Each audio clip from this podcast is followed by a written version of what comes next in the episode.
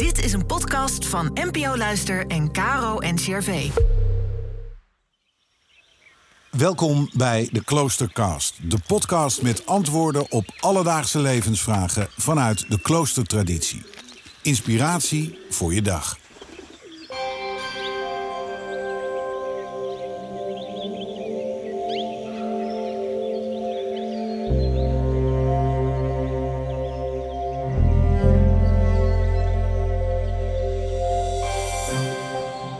De drempel van oud en nieuw geeft broeder Gerard Matthijssen wijze raad over hoe een nieuw jaar tegemoet te treden. Hij is Benedictijner monnik en voormalig abt van de Sint-Adelbert-abdij in Egmond.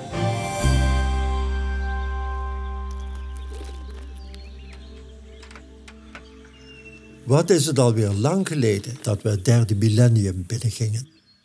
En wat hadden mensen totaal verschillende verwachtingen? De computers zouden het doorschakelen van 1999 naar 2000 niet aankunnen. Heel het wereldwijde web zou ineenstorten. En veel erger, de wereld zou naar zijn einde gaan.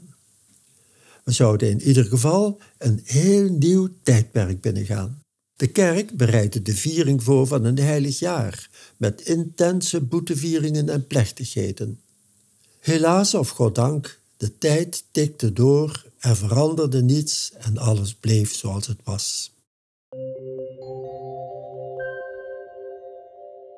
Onze kijk op het verleden verandert voortdurend.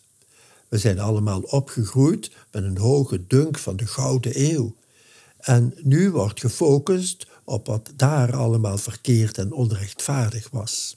Naar de toekomst kijken we met fatalisme, cynisme, optimisme, idealisme. Ieder kleurt wat komen gaat in volgens de persoonlijke gesteldheid. De monnikenvader Benedictus leert zijn volgelingen om het verleden niet te verheerlijken en de toekomst niet te vrezen, maar te vertrouwen op God en ernaar te streven medewerker te zijn in dienst van zijn rijk. Niet wegdromen, niet wegvluchten, maar oog hebben voor de mogelijkheden en oor voor de stem van ons geweten. Om het gegeven moment aan te grijpen en de kansen die er nu zijn te omarmen als de gunstige tijd die God ons biedt. Het komt erop aan, zo schrijft hij in zijn proloog op de regel, om de tijd die ons gegeven wordt te gebruiken om Christus te volgen en ernst te maken met het uitvoeren van zijn geboden. Laten we eindelijk eens opstaan, zegt onze monnikenvader. Dit is het uur om op te staan uit de slaap. Vandaag moet het gebeuren. Als je vandaag zijn stem hoort, verhard dan je hart niet.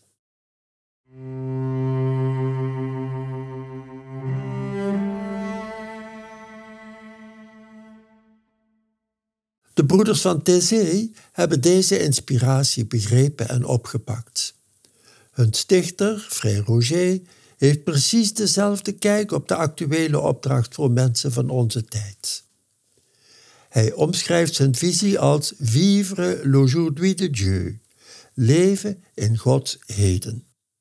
Sta elke dag open voor de uitnodiging van de Schepper, met open ogen en gespitste oren. Elke dag is de mens op pelgrimstocht, gaan we voort van donker naar licht, laten de leugen achter en gaan de weg van de waarheid, de weg van het evangelie. Er zullen altijd stemmen zijn die zeggen dat de taal van het evangelie niet van deze tijd is. Dat de woorden van toen niet meer geldig zijn voor de mensen van nu. Niet aangepast aan de omstandigheden van onze huidige wereld. De mens van de 21ste eeuw zou zich door andere normen moeten laten leiden. Maar zulke valse profeten zijn van alle tijden. Ze zijn zo oud als de mensheid. De echte nieuwheid is de wet van het evangelie.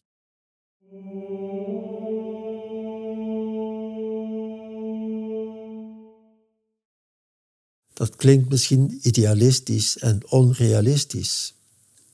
Maar ik herinner me zeer levendig een ontmoeting die ik mocht hebben met Dom Helder Camera, een bischop uit Brazilië, die zelf een bekering had doorgemaakt en buitengewoon inspirerend het evangelie gestalte gaf in de gespannen situatie van zijn land dat gebukt ging onder een militair bewind.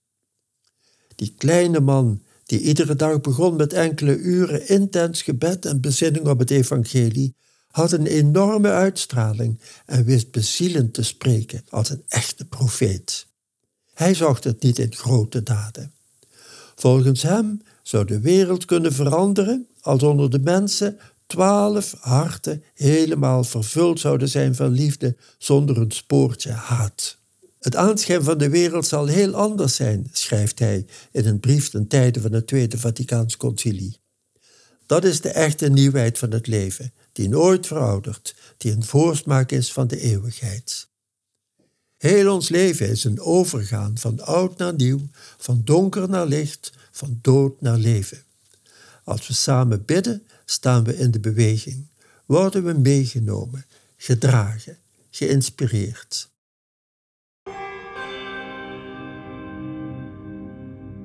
God van licht, God van leven, van nieuwheid, van vrede, alles wat mooi is in ons leven, alle schoonheid in de natuur, alle goedheid in mensen, alle schoonheid in muziek en kunst vindt zijn oorsprong in u, ongeschapen schoonheid.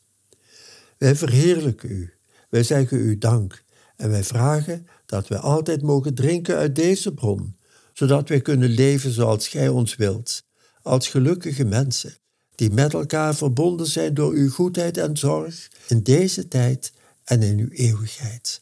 Amen.